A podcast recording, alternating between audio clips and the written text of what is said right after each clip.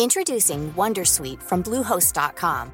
Website creation is hard, but now with Bluehost, you can answer a few simple questions about your business and get a unique WordPress website or store right away.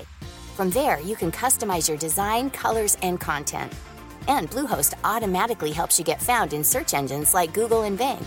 From step-by-step guidance to suggested plugins, Bluehost makes WordPress wonderful for everyone. Go to bluehost.com/wondersuite.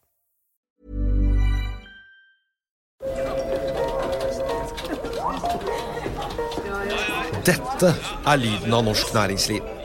Akkurat nå tas det små og store valg som kan bli avgjørende for fremtiden. Med økonomisystemet X-Leger tas disse beslutningene basert på informasjon i sanntid, slik at drømmer og ambisjoner kan bli virkelighet. Få kontroll og oversikt, gå inn på xledger.no. Denne sendingen er sponset av Xleger.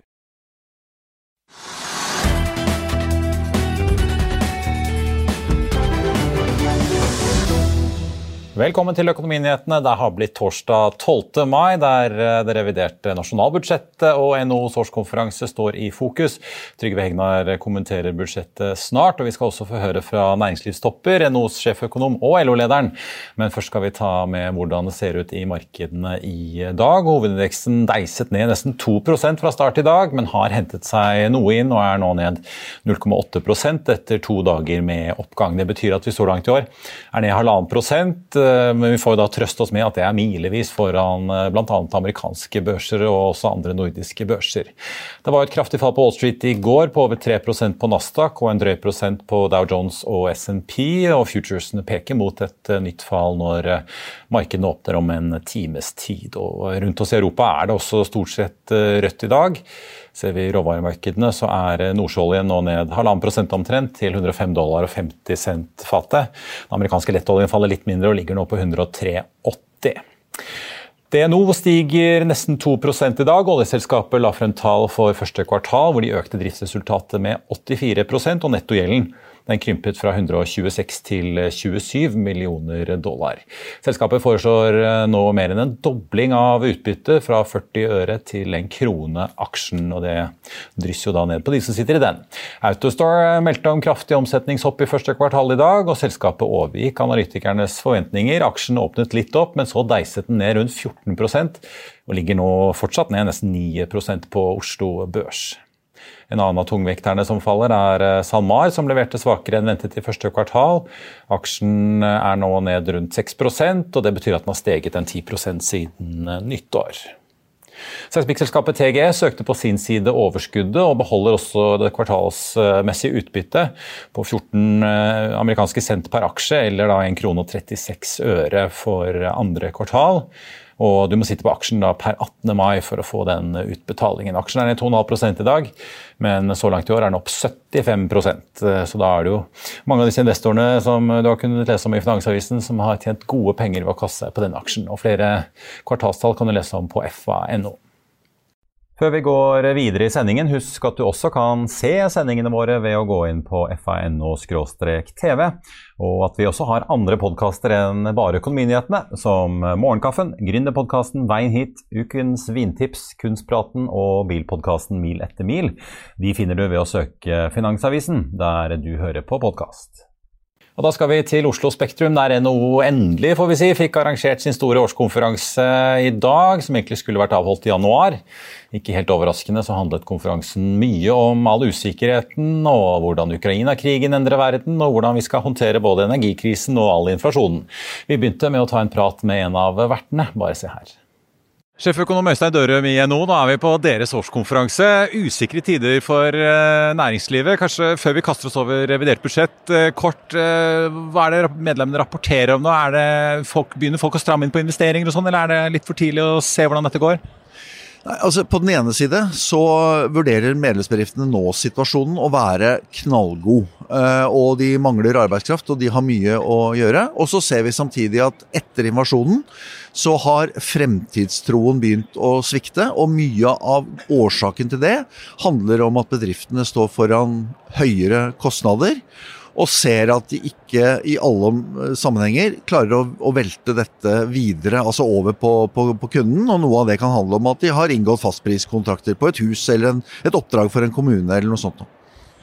Apropos, eh, vi fikk jo tall fra SSB her for ikke så lenge siden. 5,4 eh, endte prisveksten på i april mot året før. Og så er jo da finansministeren ute med revidert budsjett i dag og spår en vekst på 3,6% ned fra 4,2 i fjor. Fortsatt god fart og rekordlav ledighet og 352 milliarder i oljepengebruk. Eh, hva tenker du om eh, rammene som regjeringen har lagt? Nei, da, Man må nesten si at det er en slags ubalanse mellom det man bruker av oljepenger og hvordan situasjonen er i økonomien. Så kan man gjerne peke på at budsjettet er kontraktivt, altså at man bruker mindre oljepenger i år enn det man gjorde i fjor.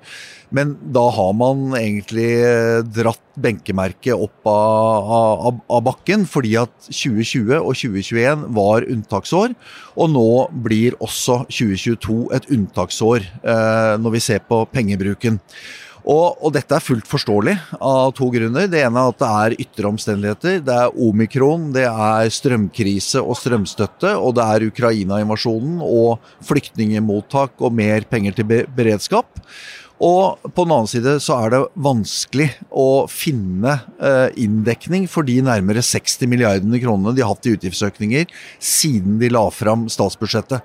Så det er i mine øyne fullt forståelig at vi kommer ut med den oljepengebruken vi gjør. At de ikke Ja, altså De har jo da 60 milliarder som du sier i økte utgifter, eh, men øker oljepengebruken fortsatt med 30, så alt klarer de ikke å bare omprioritere internt? Nei, men jeg må nok si at jeg er overrasket over hvor mye penger de faktisk har klart å, å, finne. Jeg hadde ikke trodd at de ville legge så mye som 30 milliarder på bordet. Så har ikke jeg hatt tid til, dessverre, gitt årskonferansen vår, å gå ned i detaljene på, på, på dette. Men jeg tenker at noe av det viktigste her nå er, er å å se fremover. Altså Vi har et utgiftsnivå som er høyere enn det vi kan ha langsiktig. Vi vet at det kommer store inndekningsbehov der framme som følge av en aldrende befolkning. Altså Hele befolkningsveksten kommer i aldersgruppen 67 pluss. Folk som ikke jobber. Det bidrar til lavere vekst i økonomien og skatteinntektene. Folk som skal ha pensjoner, og folk som etter hvert skal ha eh, pleie og, og omsorg.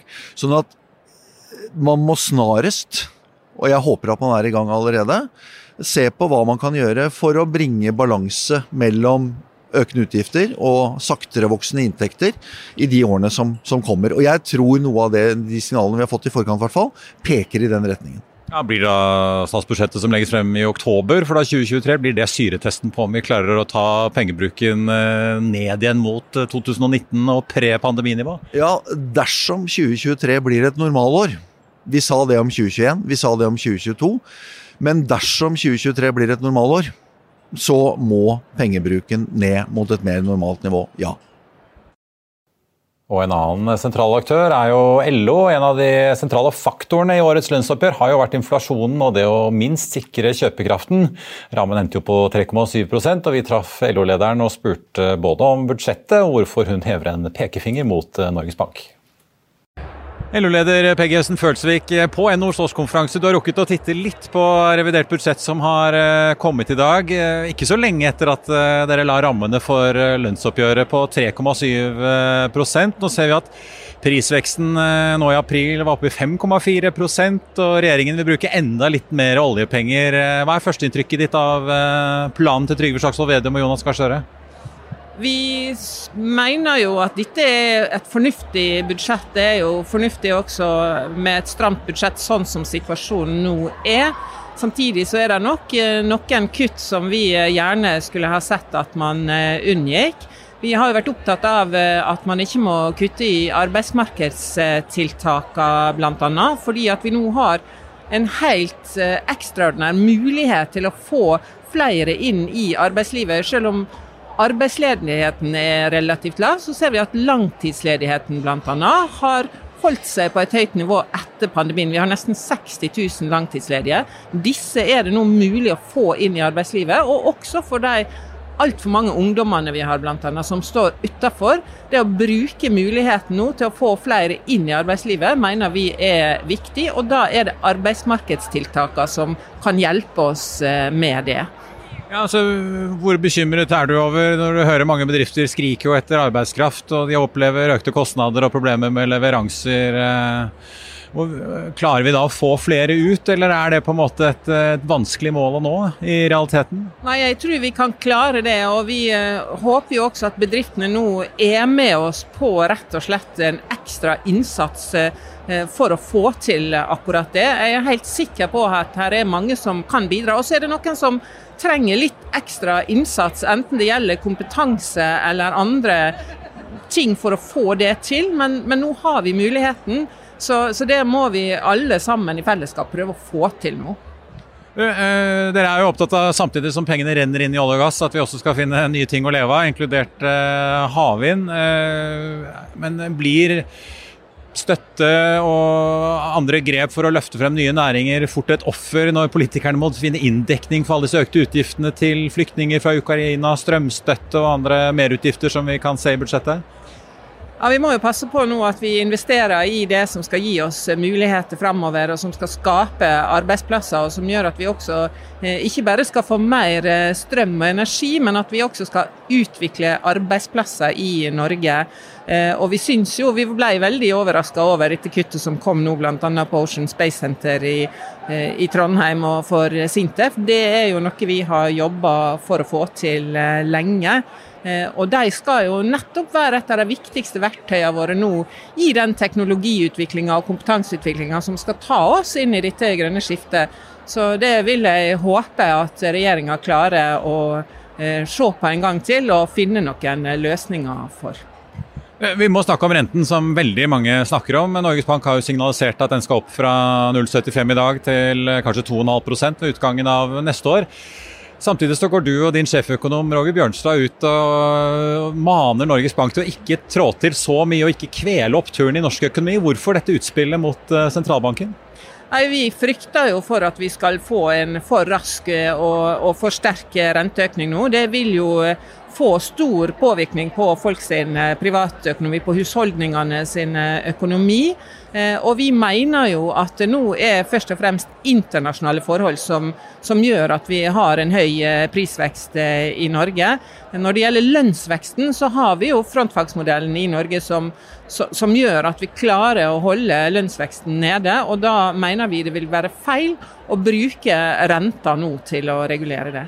Inflasjonen er jo høy, og det er jo mange bransjer hvor det ikke er noe mer kapasitet å gå på. Er det ikke da riktig å tvinge oss alle sammen til å ikke bruke så mye og rett og slett ta inn ja, kjøpekraften og disponible inntekten litt? Grann? Men det er som sagt internasjonale forhold og ikke minst strømpris som nå gjør at den inflasjonen stiger. Så vi får eh, bruke den eh, norske modellen også denne gangen, tenker jeg. Stole på at eh, lønnsdannelsen, den norske modellen håndterer lønnsdannelsen. Og så må Norges Bank nå være forsiktige. Får vi for høy og for rask renteoppgang nå, så risikerer vi at vi kveler den veksten. Og da går vi også glipp av den muligheten til å få en større andel av folka våre i arbeid. Det er kanskje det vi frykter aller mest akkurat nå. Da er jeg med meg Trygve. Og Trygve, ja, først, hva syns du om LOs eh, utspill mot Norges Bank, da, hvis du skal begynne der? Det er litt merkelig.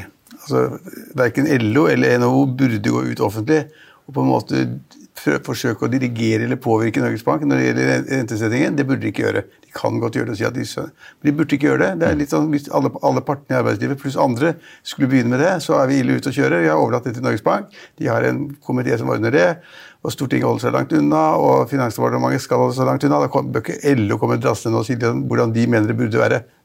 Litt umodent og litt umusikalsk eh, utspill. En som er veldig opptatt av renten, er jo finansminister Trygve Slagsvold Vedum. Eh, han anslår nå at han får inn 933 milliarder kroner i eh, det som heter netto kontantstrøm fra oljevirksomheten i år. Altså skatter, avgifter, utbytter fra Equinor. Ja, ja.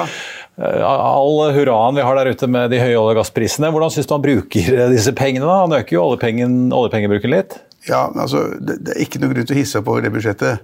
Det er et greit, ålreit budsjett. Ikke noe spesielt vanskelig ting heller. Men når det gjelder den inntektssiden på olje og gass, så er det altså, som du sier 933 milliarder kroner. Det er mer enn 600 milliarder kroner enn i fjor.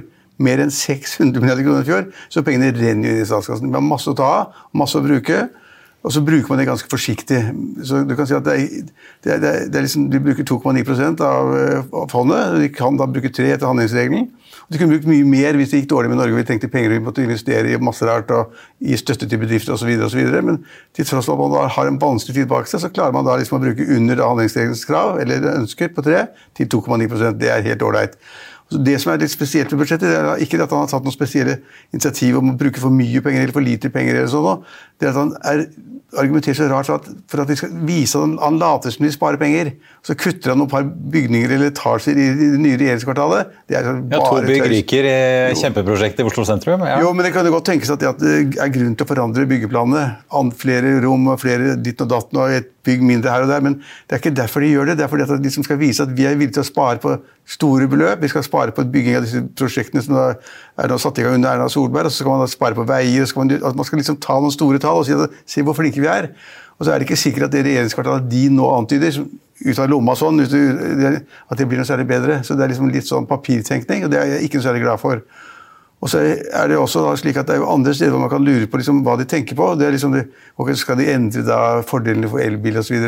Småtte betyr ingenting. ja, De tar bort uh, momsfradraget og innfører ja, en støtteordning fra neste ja, år? Ja. Jo, altså, på biler opp til en halv million? Ja, og så skal de som da, de som da reiser ferge på fergestrekninger med, med lite, lite volum, skal reise gratis. ikke sant? Og det er men så skal de også øke da, eh, bistand til utlandet med 3-4 milliarder. Det er helt ok. Og, men det endrer ikke budsjettet noe særlig. Jeg tror de, altså Budsjettet ser ganske kjedelig og uspennende ut. Og Samtidig som de da kommer til litt uspennende, litt kjedelige tingene, som da ikke provoserer noen, så kommer de med et utspill for noen dager siden om at bøndene skal få 10 milliarder kroner mer. Nå er det Riktignok skal fordeles over et par år osv., men 10 milliarder til bøndene det er liksom helt greit. Alt annet er feil. De må kutte da etasjene på regjeringskvartalet for å i nærheten, komme i nærheten med 5 milliarder kroner. Eh, altså halvparten av det de skal gi til bøndene. Det er litt sånn uh, opportunistisk budsjett, eh, populistisk budsjett. Så, og så er det da Fagøkonomer vil da diskutere liksom, kunne man spart litt mer, skulle de brukt litt mer osv. Vil det påvirke da rentenivået fremover osv. Ingen har noe klart svar på det. Det er et kjedelig godt budsjett som da vi må vente på neste års budsjett, som kommer i oktober. For vi ser hvordan de virkelig tenker. Nå er det rasket sammen masse forskjellige ting, og jeg mener de kommer ganske levende fra det. Bortsett fra det at det er ikke noen sammenheng mellom de 10 milliardene til bøndene og de 5 milliardene, eller 10 milliardene eh, til bøndene, og de 5 milliardene de skal spare, spare på å bygge, bygge regjeringsbygg. Så, ja. Ja, nå, ja, Budsjettet til høsten for 2023 blir jo det første liksom, hele budsjettet hvor de har tatt ansvaret hele, hele veien. Men nå sier jo Finansdepartementet at det er jo 60 milliarder i ekstra kostnader utover det de trodde opprinnelig i fjor høst. Og så øker da oljepengebruken med 30, og av de igjen så er det jo 17,5 som er reelle inndekninger. Andre ting er jo litt prognoser og anslag som går litt regjeringens vei eh, med tanke på skatteinntekter og andre ting som, som gjør at regnestykket går opp til slutt. Så de reelle på en måte nedprioriteringene er jo 17,5 milliarder. Ja, men det er også så lite at det betyr jo ingenting. Det er ingen som klarer å måle det mot totalbudsjettet. Det er ingen som klarer å måle det i makroøkonomien. Det er ingen som klare å måle og si at nå blir lønnsveksten så mye større. ikke sant? Fastlands-Norge merker ikke at en etasje rykker i regjeringskvartalet? Nei, og, nei, og, hvis, hvis, hvis, hvis altså da rentene øker så mye ikke sant? at det skyldes budsjettet, det er ingen som kan si det i det hele tatt. Det vi vet, som er helt sikkert og som alle er enige om, det er at ledigheten er kjempelav. 1,8% Det er et press som, gjør, som forplanter seg gjennom hele økonomien. Og lønningene vil øke mer enn det kanskje kunne forvente. Så sier jo da Trygve Slagsvold Vedum det som er helt riktig, er at liksom, hvis man nå ikke klarer å holde litt igjen, så vil det sannsynligvis, sier han, han, han, har heller ikke noe med det å gjøre, så sier han da, det vil sannsynligvis føre til at, at rentesettingen blir litt tøffere, at rentebanen blir litt høyere, og det vil ramme vanlige folk. Og det har han rett i. Men, han tar ikke noe sånn skikkelig grep for å liksom få det til å bli da, et helt annet bilde. Det, det budsjettet som er der, det er Man kan ikke si at det er galt eller rett heller. Men han sier at det er så veldig viktig for oss, og så slenger han ut av noen penger noen ja, Budsjettet burde bli tatt litt ned, men det er jo ja, men, men, det, ikke noen sånn ja, voldsom brems. Nei. Men, det, det, det, er, det er, altså, altså Jeg vil ikke si det er brems i det hele tatt. Det er et alminnelig budsjett, bruker de pengene de kan. Og så skal vi huske på det, når det blir mye krangel om denne handlingsregelen, så skal vi huske på det at det er jo et begrep og en politikk som er skapt for å fase oljeinntektene inn i budsjettene. Det er ikke slik at liksom alle pengene fra oljefondet er galt. Det er, det er planlagt fra helt man fikk det i år 2000, var Jens Stoltenberg. Man fikk handlingsregelen, det var at oljepengene må fases inn på en fornuftig måte. Bedre enn mange andre land har klart å gjøre før Norge, og det er det klart. Og Da må man jo bruke noe av de pengene. Så man bruker omtrent helt riktig beløp. Hva, hva, tenker du hvis du ser på prognosene til Finansdepartementet? Da? De venter en vekst på 3,6% i år, litt ned fra i fjor, hvor den er på 4,2 og så 2,3 av neste år igjen. en litt mer normal vekst og en ledighet som eh, faller ned til 3,3 hvis man ser på AKU-tallene. Det er ikke så mye mer å gå på kanskje i norsk økonomi sånn kapasitetsmessig nå? Inflasjonen er jo over 5 Ja, altså veksten på den som var over, som du sier, var over 4 i fjor, og litt høyere enn jeg trodde faktisk, det er jo en veldig kraftig vekst. da. Så, med tanke på at Vi har jo hatt da, to år med krise i økonomien ikke sant, og støttetiltak overalt. Så det har kommet med en vekst, da, inkludert altså disse tiltakene som gjorde at man fikk denne veksten. Så er 4,2% det er ganske bra. Så synker det til 3,8 kanskje, eller rundt et eller annet der. Det er også en veldig høy og bra vekst. Men så er det naturlig at man lager den type prognoser, enten i Finansdepartementet eller andre steder, så blir det ikke så bra året etter igjen. Liksom. Da havner vi under liksom, 2,8 eller 2,5 eller 2,6 eller hva det måtte bli. Så han sier jo det at norsk økonomi kommer til å gå bra. Det gikk bra i fjor, det kommer til å gå bra i år. Det blir press i økonomien, ledigheten kommer til å synke. Den, vi er jo nede på altså 1,8 Hvis den blir lavere, så det, skjønner man ikke noen ting. Prisveksten er altfor stor. Så, men selv det er ikke noe farlig. Det som er litt skummelt akkurat nå for norsk økonomi og norske selskaper og andre, er det at prisveksten er så jævlig høy i USA. Hvor den da kom inn på 8,3% og man har forventet 8,1 ikke sant? Og 8,3% det skal bekjempes da med pengepolitiske virkemidler. Det betyr at renten i USA kommer til å bli satt kraftig opp. Og hva er resultatet av det, Marius? At aksjekursene faller. Og, aksjekurser, det, ja. alle, alle aksjekursene faller. Men det kan jo være vi har nådd toppen i USA. Vi hadde jo 8,5 i mars ja, måned, 8,3 ja. i april. Så det, vi får se hva mai-tallene blir etter hvert. Da. Men det kan jo være at uh... Jo, men det, allikevel er det så høyt at ja. sentralbanken må heve renten. Helt sikkert, det er jeg helt sikker på. Og det aktørene i aksjemarkedet nå ser, er at ja, det kommer sannsynligvis enda en renteøkning i USA, en innen EU, og det, helt sikkert i Norge også. Og rentenivået det dyttes oppover, og det, nå er da folk skikkelig engstelige for det vi har pratet om gang på gang, nemlig da hvordan det skal gå da for tech-selskapene eller vekstselskapene, som har da inntjening langt inn i fremtiden. Og de sier at Hvis man skal heve renten nå, og det kommer man til å gjøre pga. de nye tallene fra USA, som var skremmende, og da følt at kurs, som du sa, kursene falt kraftig i går og kommer til å falle i dag. Dette, dette betyr at de, disse selskapene som har satt ut på fremtidige inntekter, de får en kurskorreksjon, og den er ganske kraftig. Og Den har vi sett nå på løpende bånd. Nasdaq, som du var inne på også, og vi hadde også På Oslo Børs i dag så hadde vi Autostore ikke sant, som da var ned 14% og Det er et selskap som har... Og det går fort? altså På ja, noen har, minutter så plutselig bare ja, ja, de har inntekter, men de, på en måte de store inntektene og overskuddene er langt frem i fremtiden. Og så er de da hovedaksjonær, en japansk superspekulativ investor. Softback, ja. ja. Som er mange rare steder, også Kahoot, og, og har vært kjent for hele verden for å gå inn med store beløp med, hvor de da må spekke på den fremtidige inntektene. Og nå blir de borte, kanskje. eller Hvis de kommer, så blir det i hvert fall diskutert i dag til en høyere rente. Det vil si et lavere beløp i dag. Og det er, smitt, det er smittet nå på hele verden. Slik at Hvis vi er liksom i Norge bekymret for en prisvekst på hva tror vi, 4% eller sånn nå, så er den høyere enn mange andre land. og de skal, den, den, prisveksten skal bekjempes med, rente, med, rentemidler og pengepolitikk overalt. og det, Så det ser dårlig ut for børsene. Mm. Vi avslutter denne uka her med liksom NHOs årskonferanse og revidert statsbudsjett. Og så er det det rundt oss som er viktigere. I Norge er det så mange selskap som nå går bra. Alt som har med energi, og olje og gass å gjøre, det er jo kjempebra. Også på børsen i dag så er det liksom da vinnerne det er liksom da de som driver innen, innen offshoresektoren. Og så er det problemer for de som da er avhengig av liksom hvordan man skal prise fremtidige inntekter. Og det, er liksom, det går vi ut av med nå.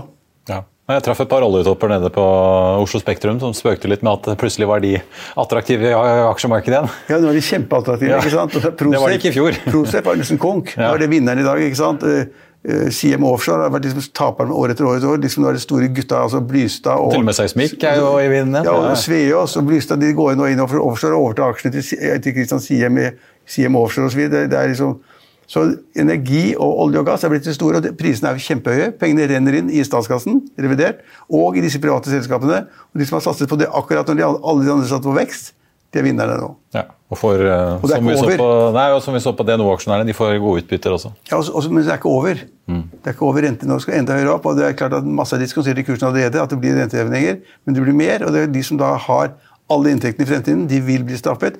I mellomtid så pumper vi opp olje og gass, og vi tjener masse på det penger på det i Norge. I statsbudsjettet også. Så finansministeren Trygve Slagsvold Vedum kan bare slappe av. Får nok penger til årene som kommer. Poenget er å fordele og posisjonere eller dele ut på en riktig måte. da. Ja. Og så er det jo, som Filip eh, Sissener var inne på, et interessant poeng at dette er aksjekurser, men eh, selskapene, disse vekstselskapene begynner jo eh, å slite med å få finansiert seg etter hvert som rentene tikker oppover. og ja, Det blir ikke så mye altså, marginer å regne hjem etter hvert. Ja, Hvis de har finansiert seg i høyrentemarkedet, så er det et problem hvis de hadde hatt rente på 5% og plutselig får de 12 eller 10 eller 15 eller hva det måtte være. Det er et alvorlig problem. Mm. Men, så vi har, jeg syns at revidert kom i dag. Og det var morsomt å se. Og så er det da de der eh, rare krumspringene de gjør for å liksom ikke vise hva de egentlig vil. Og så er det, så er det masse økonomene som er litt bekymret, men ikke veldig bekymret. Og så får vi da se hva statsbudsjettet blir da når det kommer på, i oktober. Ja, vi får se. Da kommer det ordentlige budsjettet. som det Da kommer det ordentlig budsjettet. lekebudsjettet, vet du. Ja. Mellombudsjett. Takk skal du ha, Trygve. Vi skal straks tilbake til NHOs årskonferanse, men først eh, dagens aksjetips. Visste du at Apple ikke lenger er verdens mest verdifulle selskap på børs? Følg med, så får du vite hvem som har inntatt eh, den plassen. Her kan du doble pengene dine, sier DNB-analytiker Frank Maae. Han hever kursmålet på tech-selskapet Smart Optics til 25 kroner, og ser med det 120% oppside i aksjen. Selskapet har utmerket framdrift. Etterspørselen er der. Det som er usikkert i 2022, er om de klarer å levere, sier Maae. I første kvartal slo Smart Optics estimatene på både omsetning og driftsresultat, og Maae estimerer en PE på 10 i 2023. Relativt lavt hvis vi sammenligner med andre vekstselskaper som ofte ligger langt oppe på 20-tallet og høyere enn det også. Investerer du i Crayon, kan du få avkastning på 65 skal vi tro på Henriette Tronsen i Arctic Securities. Hun drar opp kursmålet til 210 kroner og anbefaler kjøp. Selskapet leverte rekordkvartal i år og nær femdoblet bunnlinjen. Crayon har aldri vært i en bedre posisjon til å skape verdier for interessegruppene våre globalt, sier konsernsjef Melissa Mulholland. Apple er ikke lenger verdens mest verdifulle selskap. Onsdag gikk nemlig Saudi Aramco forbi tech-giganten. Apple-aksjen falt 5% onsdag og er nå verdt 2370 milliarder dollar, mens Aramco eh, har en markedsverdi på 2430 milliarder, ifølge FactSet. Markant oppgang i oljeprisen gjorde at Aramco tjente nær dobbelt så mye i fjor sammenlignet med 2020. Samtidig har aksjemarkedet generelt, og særlig vekst- og tech-aksjer, falt tungt eh, siden nyttår, og det har gjort at rollene har blitt eh, snudd på hodet. Apple har falt 20% siden toppen 4.1. Vi skal eh, tilbake til Oslo Spektrum, der vi fikk tak i toppsjefen i selskapet som virkelig satte spor etter seg denne uken. For da forsvars- og teknologikonsernet Kongsberg Gruppen slapp tallene sine på tirsdag, så endte det med et kursfall på 19% Det er det største fallet den aksjen har hatt eh, noensinne på en enkeltdag. Med dagens nedtur på ytterligere 3,5 så er aksjen samlet sett siden nyttår opp 10,6% eller 16% hvis vi regner med utbytte, i det som jo har vært en vinnersektor under Ukraina-krigen. Men hva syns egentlig toppsjefen om kursknekken og det at Finland nå skal inn i Nato? Konsernsjef Geir Håe i Kongsberg Gruppen. Jeg må jo nesten spørre om det alle lurer på. Et kursfall på 19% på tirsdag etter at dere slapp kvartalstallene. Hva tenkte du da du så det? Nei, jeg tenkte vel at uh, hva skjedde nå? Uh, vi er jo veldig fornøyd med utviklinga i Kongsberg. Uh, vi vokser i alle forretningsområder. Vi har aldri vært mer solide på backloggen vår. Og vi er ganske confidente. Jeg sa også at vi kommer til å vokse også i 2022. Så ja, det var litt sånn litt overrasket over, over det fallet. Ja, for Vi må jo snakke litt om det dere faktisk la frem. Som du sier, Dere vokser på alle fronter og regner også da med vekst i år. Men dere advarer jo også om at eh, dere begynner jo også å merke at det er en del forsinkelser, ledetider øker, kostnader går opp. Og Dere trakk frem bl.a. en del leveranser av våpensystemer som sklir litt ut i tid. At eh, kostnader ved å levere propeller eh, går opp. Forklar litt, hva, Hvordan er dette egentlig? for? Hvor, hvor på en måte dramatisk er den utviklingen som dere nå merker rundt i systemet? Nei, Det vi prøvde å si, var at usikkerheten har jo forsterka seg. Eh, altså, vi kjente jo til komponentutfordringene, vi kjente til delvis logistikkutfordringene i pandemien og de restriksjonene som var der. Og så kom krigen eh, i Ukraina, og det forsterka jo eh, det som allerede lå der. Eh, det som vi har hele tiden forfekta det i Kongsberg, er at vi har vært veldig proaktive innenfor det. Vi har sett at det har vært behov for å være eh, proaktive innenfor sikre komponentsituasjonen. Eh, vi ser hele tiden etter nye leverandører. Vi jobber med redesign. Så for 2022 så er jeg veldig komfortabel i forhold til det vi skal levere. Vi har en fantastisk ordrereserve, og den fortsatte å øke også i Q1. Men det er klart at på lengre sikt så er det jo en større usikkerhet hvis dette vedvarer eller eventuelt forsterker seg. Men det gir oss også mer tid til å jobbe med å finne andre løsninger. Så jeg er ikke urolig på kort sikt, men det betyr også at vi må følge den situasjonen nøye framover. Ja, for Dere sier jo at dere går jo glipp av en del inntekter her når våpensystemer blir eh, forsinket. Hvor mye er det snakk om at disse forsinkelsene koster dere? Ja, Vi var jo ganske spesifikke på at uh, det er jo ikke sånn at inntektene forsvinner. Eh, de blir skyvet noe ut i tid. Vi produserer jo fortsatt de, de, disse stasjonene. Og så får vi ikke gjort dem helt ferdig før vi får, ta, får liksom inn, inn, den elektronikken eller komponenten vi trenger. og det jobber vi jo med, og det fins måter å, å, å løse det på. Men det skyves noe ut i tid. Eh, så jeg vil si at eh, det er, ikke, det er ikke noe dramatikk i det. Eh, inntektene blir noe varierende på kvartalene fremover, men inntektene vil komme. Jeg må spørre deg litt om, om, denne digitale virksomheten deres, Kongsberg Digital, som eh, dere jo har jobbet lenge med å utvikle. Har snakket om at dere vurderer en potensiell børsnotering, eller kanskje ta med noen industrielle partnere på eiersiden. Nå eh, går toppsjefen fra selskapet over til Equinor. Eh, hva er egentlig status nå? Blir det noe børsnotering i år, eller er markedet altfor usikkert? Ja, det er jo Vi syns det er leit at eh, Hegge eh, går til Men vi velger å si at hun går til, eh, hun går ikke fra. Og vi er i full gang med å finne hennes erstatter. Eh, KDI utvikler seg eh, positivt. Vi hadde et bra kvartal nå. Vi vokser på recurring, vi vokser innenfor digital tvilling og Wessel Insight. Eh, så vi er jo veldig optimistiske i forhold til forretningsplanen vår. Men vi må finne den som skal lede dette videre. Og markedet, som du sier, er, det er vel ikke akkurat marked å, å lansere en børs eller gjøre en børslansering. Så, så, og vi har sagt at det er ett av alternativene vi vurderer gjøre. Så får vi se hvordan det utvikler seg. Så må jeg høre om eh, forsvarsmarkedet. Krigen i Ukraina og eh, selvfølgelig da eh, ført til at en rekke land nå sitter og vurderer å øke forsvarsbudsjettene. Aksjen deres har jo fått veldig vind i seilene som følge av dette, på linje med andre forsvarsaksjer eh, rundt omkring i eh, verden. Kan du si litt om, om, hvor stor pågang dere har? Det er jo ofte lange prosesser, dette her. Og også, ikke minst, dere sitter jo da som medeier i, i finske Patria. Nå skal plutselig Finland bli Nato-medlem. Hvordan påvirker det dere og deres eierskap i Patria? Vi starter med det første. Altså, jeg tror oppmerksomheten rundt viktigheten av sikkerhet og forsvar har jo uh, endret seg, uh, dessverre, får en si, uh, betraktelig etter at Russland gikk inn i Ukraina. så det er den ene siden. Det at nå også Finland, og kanskje også Sverige, kommer til å gå inn i Nato, jeg tenker det er utelukkende positivt, både for det norske og nordiske samarbeidet, men også selvsagt Nato også blir sterkere. Og Det vil jo også gjøre at vårt eierskap i Patria, vi følger jo nøye med på det, selv selvfølgelig. Eh, og jeg tenker at det også vil gi nye muligheter for Patria, eh, at Finland nå blir medlem av Nato. Så, så det, er for, eh, det, er bra for, Finland, og det er bra for Patria, og det er da også bra for Kongsberg. Men Åpner det for at dere i teorien kanskje kunne innlemmet Patria som en del av Kongsberg Defence, og ikke som et selskap dere eier halvparten av? Ja, Der tror jeg nok den andre aksjonæren vil ha noen meninger rundt det. Jeg tror at vi skal fokusere på nå å utvikle Patria og bistå Patria der vi kan i forhold til å utvikle det internasjonale footprintet. Og det tenker jeg vil, vil eh, være positivt da at, at Finland går inn i Nato for Patria. Da skal vi ta en titt på eh, Oslo Børs eh, akkurat nå. Vi er ned en halv eh, prosent i dag.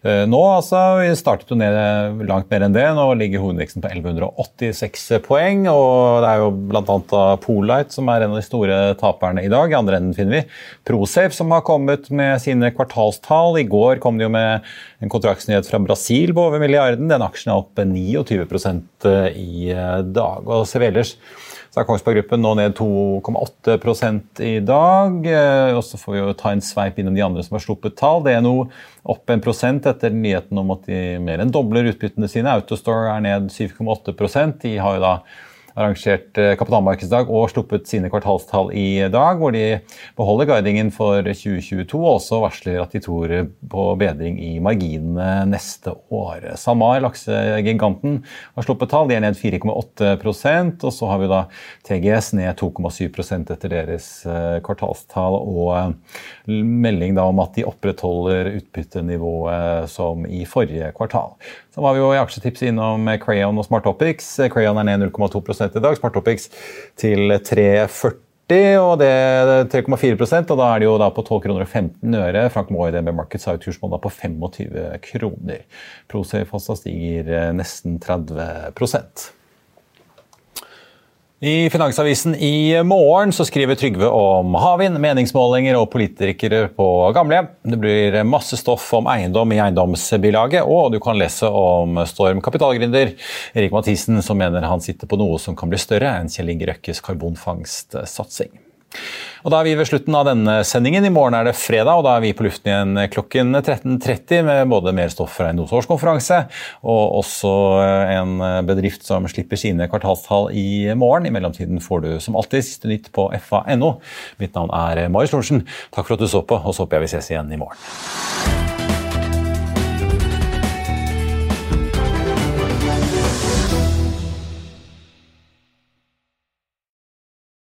Denne sendingen er sponset av Xleger.